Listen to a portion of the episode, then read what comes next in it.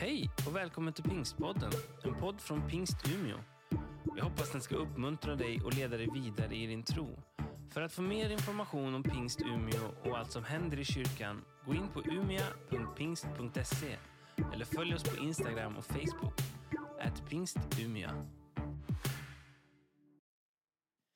Jag ska läsa veckans bibeltext och jag läser från Apostlagärningarna, Apostlagärningarna 21, vers 1 till 14. När vi hade skilts från dem och lagt ut seglade vi raka vägen till Kos, nästa dag till Rhodos och därifrån till Patara.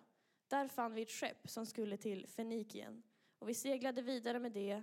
Vi siktade, vi siktade Cypern, passerade söder om ön med kurs på Syrien och kom till Tyros, där lasten skulle lossas. Vi sökte upp lärjungarna och stannade hos dem en vecka. På andens ingivelse varnade de Paulus för att föra vidare till Jerusalem. Men när dagarna i Tyros var till ända bröt vi upp för att fortsätta resan. Alla, också kvinnor och barn, följde oss ut ur staden. Vi knäböjde på stranden och bad och sedan tog vi farväl av varandra. Vi steg ombord medan de andra gick hem till sitt. Från Tyros kom vi till Ptolemais där vår sjöresa slutade. Vi hälsade på bröderna och stannade hos dem en dag varefter vi fortsatte till Caesarea. Där gick vi hem till förkunnaren Filippos, som var en av de sju, och stannade hos honom. Han hade fyra ogifta döttrar som kunde profetera. Vi hade varit där i flera dagar då en profet vid namn Agabos kom ner från Judeen och sökte upp oss. Han tog Paulus bälte och band sina händer och fötter och sade, så säger den helige anden. Den som äger detta bälte skall judarna i Jerusalem binda så här och överlämna i hedningarnas händer. När vi hörde hans ord vädjade både vi och folket där till Paulus att inte gå upp till Jerusalem. Då svarade han, varför gör ni så, gråter och slår ner modet på mig? Jag är beredd att inte bara låta mig fängslat, fängslas utan också lida döden i Jerusalem. För Herren Jesu namns skull. När han inte lät övertala sig lugnade vi oss och sade, må Herrens vilja ske. Nu ska jag läsa från vers 27 till 36. Strax innan de sju dagarna var slut fick judarna från Asien syn på Paulus i templet. De hetsade upp folkmassan och tog fast honom och ropade Israeliter, kom och hjälp till. Här är mannen som överallt sprider en lära som riktar sig mot vårt folk och vår lag och denna plats. Nu har han till och med tagit med sig greker till templet och vanhelgat denna heliga plats. De hade nämligen sett Trofimos från Efesos tillsammans med Paulus i staden och tog för givet att Paulus tagit med honom till templet. Hela staden kom i rörelse och folket strömmade till. De grep tag i Paulus och släpade ut honom ur templet och portarna stängdes genast. De ville döda honom, men den romerska kommendanten fick rapport om att hela Jerusalem var i uppror och skyndade omedelbart ner till dem med manskap och officerare. När judarna fick se kommendanten och soldaterna slutade de att misshandla Paulus. Kommendanten steg fram, arresterade honom och lät belägga honom med dubbla bojor och sedan frågade han vem det var och vad han hade gjort. Det kom olika svar ur hopen och då han allt i tum tumultet inte kunde få klart besked lät han föra Paulus till fästningen. När han hade fått honom till trappan måste soldaterna bära honom. Så våldsam var trängseln, för massan följde efter och skrek döda honom.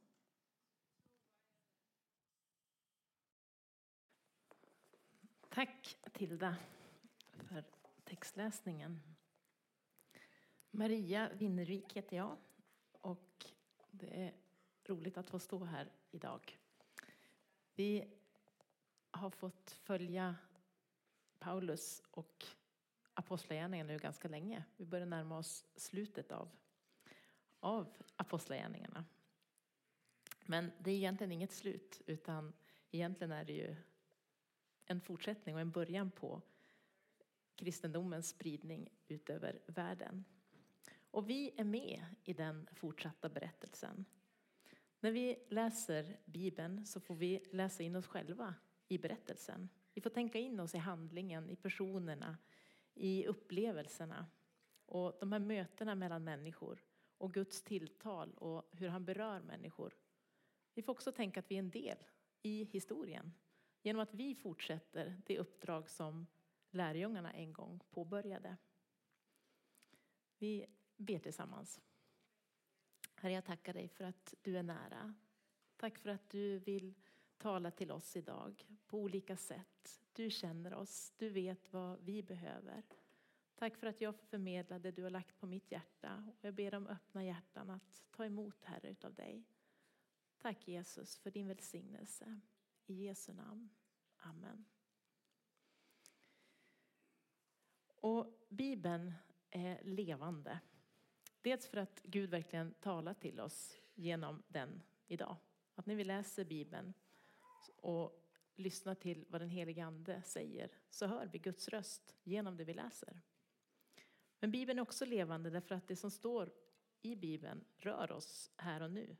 Personerna som vi läser om, det får gestalta de här vanliga människorna som Gud mötte. Och han använde och han berörde på många olika sätt. Och vi får lära av deras beslut, av deras handlingar, av deras liv. Och det var inte perfekta människor som Bibeln handlar om. Och det var inte superhjältar, utan det var helt vanliga människor av kött och blod, precis som du och jag. Det var människor som hade fel och brister, de hade tvivel, de hade längtan. Och det var människor som Gud utrustade på olika sätt för att klara av de uppdrag som de var satta för. Och Paulus han var en, en spännande person.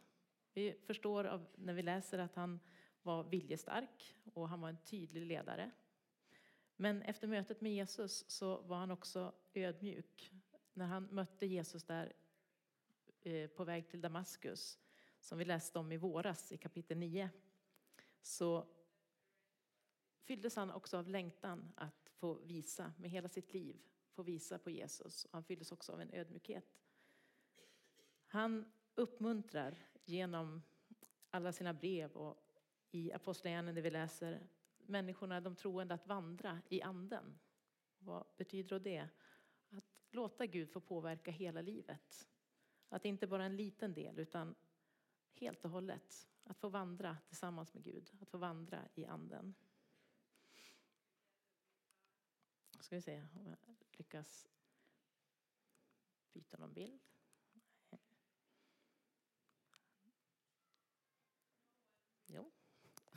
Är det du som gör det då? Okej, okay, då, då vinkar jag till dig. Jag kan få låtsas att jag gör det. Här står det så här. Ingen utom Guds ande vet vad som finns i Gud. Och vi har inte fått världens ande, utan anden som kommer från Gud för att veta vilka gåvor Gud har gett oss. Och det står i första Korinthierbrevet 2, 11-12. Och vi har fått gåvor av Gud. I första Korinthierbrevet 12 så kan vi läsa om andens gåvor. Och det är en och samma ande som fördelar gåvorna på det sätt som Gud vill. Och vi kan, I fortsättningen av kapitel 12 så kan vi läsa vidare om, om eh, att vi är en kropp. Att vi delar i samma kropp, att vi behöver varandra, att vi är till för varandra. Att gåvorna har vi fått för att betjäna varandra, för att uppmuntra och hjälpa varandra. Nu kan vi byta. I första Korinthierbrevet 14 och vers 1-3 så står det så här. Sträva efter kärleken, men sök också vinna de andliga gåvorna. Helst gåvan att profetera. Till den som talar med tungor talar inte människor till människor utan till Gud. Ingen förstår honom. I sin ande talar han hemligheter. Men den som profeterar, han talar till människor. Han bygger upp, förmanar och tröstar. Och när jag läser det så tänker jag fantastiskt att få tala hemligheter med, med Gud. Eller hur? Och det får vi också göra. Vi får tala i tungor, vi får tala hemligheter i vår ande med Gud. Men det är inte, vi bygger inte upp andra. Och det gör den profetiska gåvan. Nästa bild. Eh, vad innebär det att profetera? Och då tänker jag faktiskt att du ska få prata kort med den du sitter med. Jag jobbar som lärare till vardags och då pratar vi om axelkompisar. Så nu ska du få prata med din axelkompis i någon minut. Vad innebär det att profetera? Vad tänker du?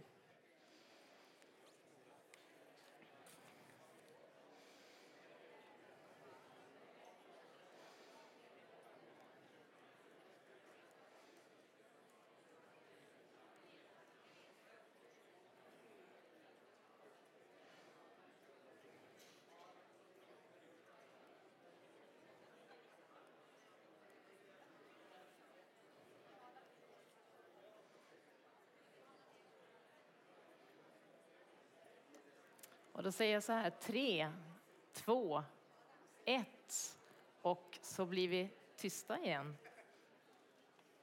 Funkar ganska bra. Härligt. Bra, ni har mycket att säga. Fortsätt samtalet vid fikat sen. Fortsätt prata med varandra.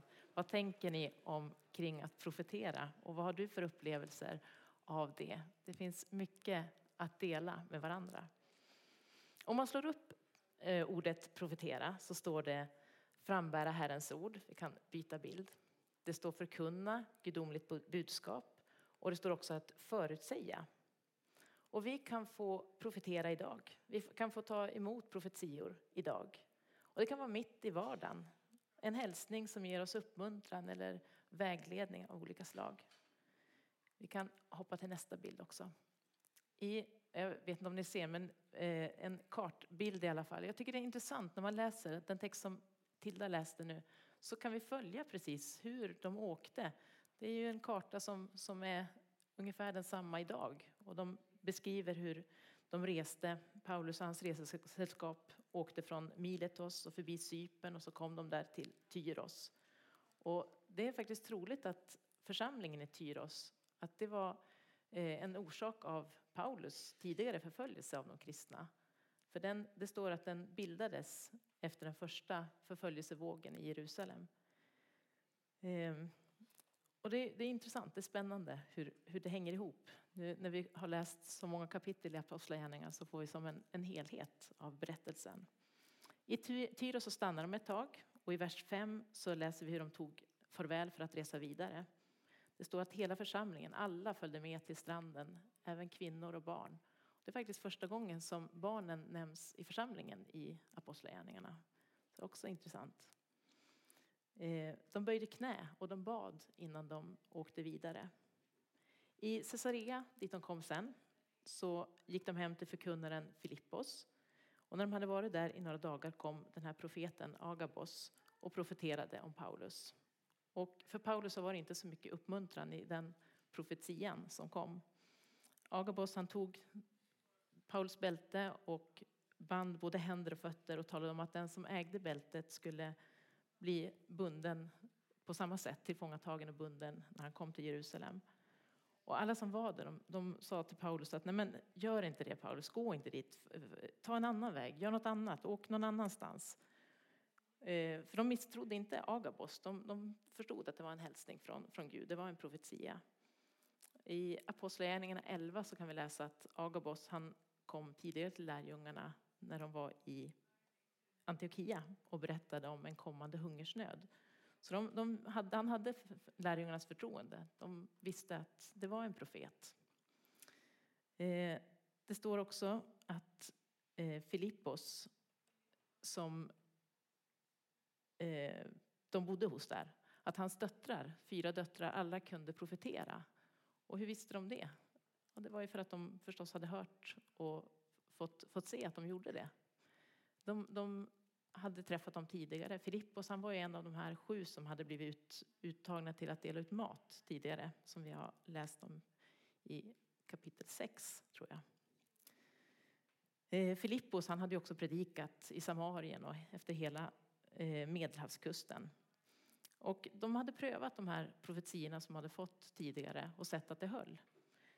Och när de hörde en profetia som skulle innebära det här stora lidandet för Paulus så kände de att nej men, nu kan du komma undan. Välj en annan väg. Gör så här istället så slipper du det där. Ehm, och det är nog så ofta vi reagerar. Känner att nej, vi vill inte att någon ska må dåligt. Vi vill göra en lösning som känns trygg och bra. Och det är ju en bra inställning. Det är det. Men ibland är inte livet så enkelt. Och då blir det en flykt istället för att möta det som vi egentligen kanske behöver möta. Och Gud han har aldrig lovat någon att livet ska vara enkelt, att det ska vara helt smärtfritt. Men det han har lovat är att han alltid, alltid kommer att vara med. Och Paulus han visste att det är det rätta för mig att åka till Jerusalem. Jag ska dit. Och även om det betydde lidande och kanske till och med död så var han beredd att göra det för han visste att det var det han skulle göra. Och han visste också att Gud, han skulle vara med. Oavsett vad som kommer så skulle Gud vara med. Och vi kan byta bild. För under helgen så har vi haft ett läger för tjejer i högstadie och gymnasieåldern. Ja, ja, ni hör, de är här. En applåd kan de väl få, tycker jag. Mm. Det här lägret har vi hållit i Holmsund, Holmsunds pingstkyrka. Och det är ett läger för högstadie och gymnasietjejer. Vi har haft det jättebra, verkligen. Eh, temat var Identity Loved. Och eh, vi har pratat om identitet helt enkelt. Att skillnaden mellan att ha sin identitet i prestation, i utseende, i betyg eller i vad andra tycker och tänker om mig. Att ha sin identitet i Jesus. Att känna att jag är älskad oavsett vad. Identity loved, alltså identitet älskad. Och igår, vi kan byta bild, så hade vi besök av Stina Hägglund, Stina Stil, bloggar hon under. Och många av er känner ju igen henne. Hon har tillhört vår församling, bor nu utanför stan och tillhör Vännäs pingstkyrka. Och hon delade sin berättelse om hur hon hela sitt liv väntade på att ett helande från sin sjukdom. Och hon, som barn och tonåring så tänkte hon att ja men, Gud han har ju sagt att han kan hela och han kommer att, att hela mig. Och hon förväntade sig att det skulle bli på det sätt hon hade tänkt, att han, hon skulle bli helt frisk helt enkelt. Men när hon tittar tillbaka nu på sitt 30-åriga liv så inser hon att Gud har svarat på ett annat sätt. Han hade en annan plan för henne. Och hennes stomioperation fick istället bli en del i hennes helande. Hon säger att hon har gått igenom lidande och, och den här sjukdomstiden, det har varit värt. Därför det har, det, hon skulle inte vilja vara utan det. Hon skulle inte vilja byta bort det. Och stomipåsen, säger hon, hon varken skäms för den eller skulle vilja eh, leva utan den. För hon känner att det är en viktig del av att livet blev som, som det har blivit för henne. Och att hon genom hennes upplevelser så har hon fått vara till hjälp och fått betyda mycket för andra som går igenom liknande saker.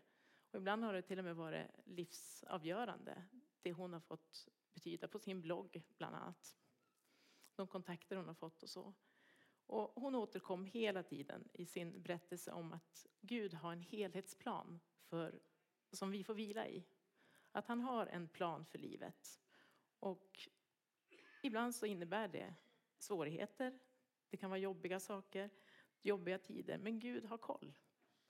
Och att få omslutas av honom och att få vila i det att han har koll. Han har den där planen och vi får, får gå och tryggt veta att han är med. Vi kan byta bild. Apostlagärningarna 21 och 13.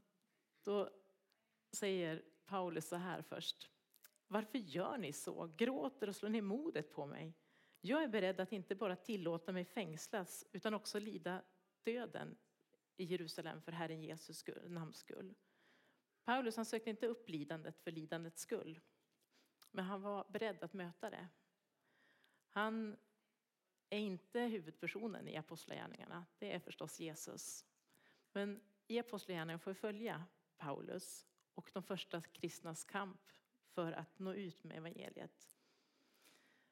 Det är de förföljelser som, som sker är snarare till hjälp för att kristendomen ska spridas, att budskapet ska, ska spridas. Men det, det innebär jättemycket lidande och många som får, dö, eh, får lida martyrdöden på grund av sin, sin tro.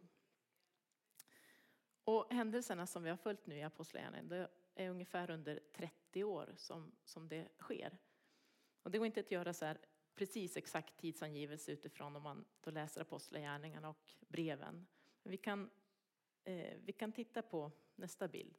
Jag vet inte om ni ser, men jag tycker det är intressant att eh, lägga eh, breven, apostlagärningarna och så sen eh, årtal så att man får följa ungefär så här eh, händer det. Om du går in på nätet sen så finns det flera som, som har sådana här tidsaxlar. Ganska intressant att, att vara med och tänka historiskt. Hur, hur, vad hände samtidigt? Vilka brev skrevs under vilken tid och sådär. Och man, man vet att eh, Paulus, det här mötet på Dam, eh, Damaskusvägen, vägen till Damaskus, det var några år efter Jesu dog. Och det vet vi ju att han dog ungefär 30 efter Kristus föddes. Och så sen så har man eh, att Paulus dog någon gång under förföljelserna under Neros tid. Och Nero, förföljelserna började 64 efter Kristus och Nero dog 68. Så då har man också ungefär hur länge när, när Paulus levde och apostlagärningarna utspelas. I Galaterbrevet finns det också ett par tillfällen så de eh, beskriver hur, hur lång tid det var. Det var tre år efter det och det var 14 år senare. Och så där. Men gå gärna in på, på nätet sen och titta. Jag kan också rekommendera en bok som heter Med framtiden i ryggen. En guide till Paulus brev. Det är Mikael Telbe som har skrivit en jättebra studie över Paulus liv och det han levde för. Och där har han också förslag på en tidsaxel som jag tycker är intressant. Ehm, en sammanfattning eh, av det som vi, har, som vi tar idag. Det är det här att vi har fått profetisk gåva. Vi har fått det från Gud. Och gåvor, det är till för att, att användas. När vi ger någon en gåva så vill vi inte att den säger att ja, vilken fin present, den här ska jag aldrig öppna. Eller ja, den här ska jag öppna men jag kommer inte använda den. Det, tack, tack. Så vi får, vi får tacka för den gåva vi har fått. Vi får ta emot. Och vi får också be Gud att använda vår tanke och vår röst för att kunna ge vägledning och uppmuntran till, till andra. Och när man gör något för första gången så känns det ju lite osäkert. Det känns lite obehagligt nästan, lite läskigt så här. Man är ute på osäker mark. Men vi, vi får träna och vi får, får lita till att, att Gud han, han bär. Han gör det även då när vi prövar nya saker, när vi testar sånt som vi inte är vana vid. Och vi behöver lyssna till Guds röst. Och då gör vi det i bön och i bibelläsning. För en röst man aldrig lyssnat till kan man ju omöjligt känna igen. Jag tänker att en förälder kan ofta urskilja sitt barns röst.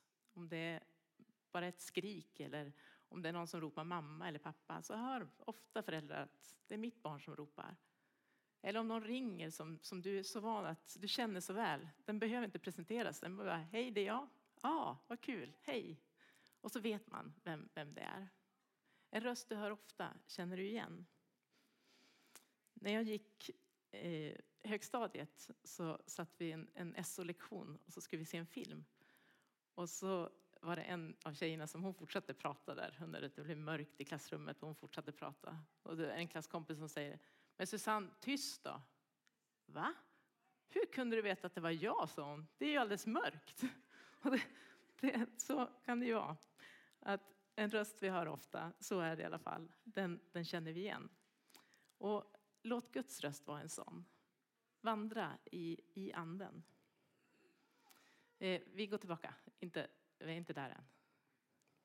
Tack. Nästa punkt, det är en fundering. Vad är jag beredd att det får kosta? Vad får min tro kosta? Vill jag, som Paulus, även välja de vägar som är obekväma? Är jag beredd att det kan bli svårt? Att det kan bli tungt ibland att stå för min tro?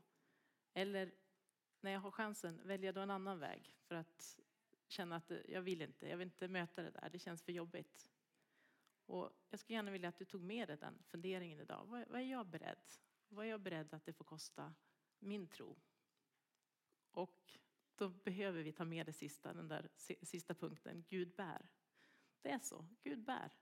Han har lovat att det är inte du själv, det är inte jag själv som ska, ska stå där, utan han, han finns där. Han bär och han stöttar, han fyller på, han ger oss profetiska budskap om det är det vi längtar efter att få. Och han har den här stora planen. Han vet mycket, mycket mer än vad vi ser. Vi ser bara så långt. Han ser hela delen. Och vi får lita på honom. En, ett av de finaste orden som jag vet, det har ni redan sett. Du får plocka fram det. Tillit. Det är ett palindrom. Vet ni vad det är? Miriam, hon är lärare, hon vet. Jag älskar ordet palindrom. Det är ett ord man kan läsa från fram och tillbaka. Från, framifrån blir det tillit och så läser det bakifrån så blir det också tillit. Så kan ni fundera på lite olika palindrom sen också. Men det här är ett av de vackraste orden jag vet, tillit. Och vi får ha tillit till Gud. Att vi får helt och fullt bara förtrösta på honom, lita på honom. Eh, vem kan då profetera? Är det de som har läst fem år teologi? De som har levt i 75 år? Ja, det är det. Men det är inte bara dem. Utan det är faktiskt till för oss alla. Det är så. Eh, Paulus han uppmanar oss till att sträva efter att få den profetiska gåvan. Och jag tror att vi får längta efter det, vi får be om det. Det här lägret som jag berättade om det var ett samarrangemang med Brukskyrkan i Ursviken. Och i somras så träffades jag och eh, Karin Åström från Skellefteå. Hon har bott här i Umeå. Du finns ju här någonstans Karin, jag vet inte riktigt var. Här. Trevligt. Eh, och när vi började prata där vid bokshoppen i, i, på Lappis så snabbt kom vi bara in på, vi, vi har inte pratat på flera år, men så möttes vi där och så bara pratade vi lite kort om hur är livet och så hamnade vi att ja, men vi har ju den här, brinner för tonårstjejer särskilt. Att de ska få ja, se eh, hur, hur, fantastiska de är, hur, att de ska få känna att de är eh, ha uppgifter för Gud och få liksom se sig själv utifrån i Guds ögon. Och det är lika viktigt, jag måste bara säga det, för tonårskillar. Jag är helt övertygad, men jag tänker att det ligger på någon annan som brinner för, för att de ska få känna det och få uppleva det. Eh, och då när, när, vi stod där så sa hon att ja, vi har, vi har pratat om att vi skulle vilja ha ett läger för tonårstjejer. Ja, men så är det, jag vill jättegärna vara med i det. Och sen hann vi inte prata så mycket mer utan vi skildes åt. Och nu när vi stod i, jag tror det var i frukostkön på lördagen, så berättade Karin att hennes, jag tittar lite för jag är inte hundra, åtta, nioåriga dotter. Ja, där någonstans. Du, du vet hur gammal hon är va? Bra, hon är nio. Mm. Nioåriga dotter i våras hade sagt så här att eh, mamma, jag, jag eh, ser att du, du ska jobba med någon som heter Maria. Och då hade hade Karin tänkt ja, men det, det kanske är någon på jobbet som ska börja så där, som heter Maria. Och nu bara några dagar före läget så inser hon att ja, men det är ju det här. Det är såklart det är det här som, som det eh, betydde. Och, eh, vi kan förklara saker på olika sätt och vi kan tänka med många som heter Maria. Men för mig och för Karin så blev det naturligtvis en bekräftelse på att just det, det här var tänkt, det här ville Gud. Gud hade en tanke för det här lägret. Och jag tror att det är viktigt att vi, vi vågar, Våga se eh, dels profeter vi har ibland oss, profetröster, att vi lyssnar till varandra. För Gud han, han vill att vi ska ge varandra uppmuntran, att vi ska vägleda, att vi ska, att vi ska ge varandra utav honom och det han vill säga till oss. Och barn kan absolut profetera.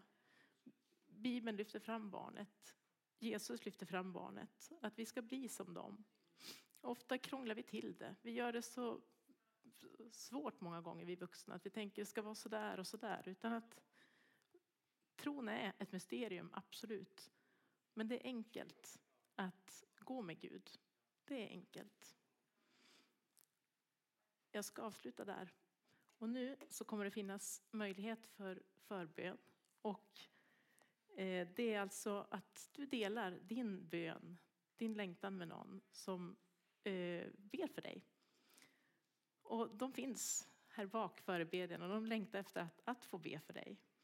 Du har också möjlighet att komma här med dina böner. Det finns vid dopgraven, du kan tända ett ljus för någon eller för någonting som du vill be för. Du kan skriva en bön, sätta upp den på korset. Och de lapparna de kommer ingen att, att läsa mer än Gud. Men förebedjarna tar dem efteråt och ber för dem. Så att det lyfts inför Gud. Och Gud läser, han vet vad du skriver. Men känn dig fri att veta att det är ingen annan som läser. Och jag skulle vilja att du tog verkligen tillfället att, att komma inför Gud den här stunden. Lyssna, ta emot vad han har sagt till dig i den här predikan, i lovsången. Eh, ta emot, för Gud vill använda dig och kom till, till förbönen. Det är en fantastisk förmån vi har att be för varandra. Välkommen.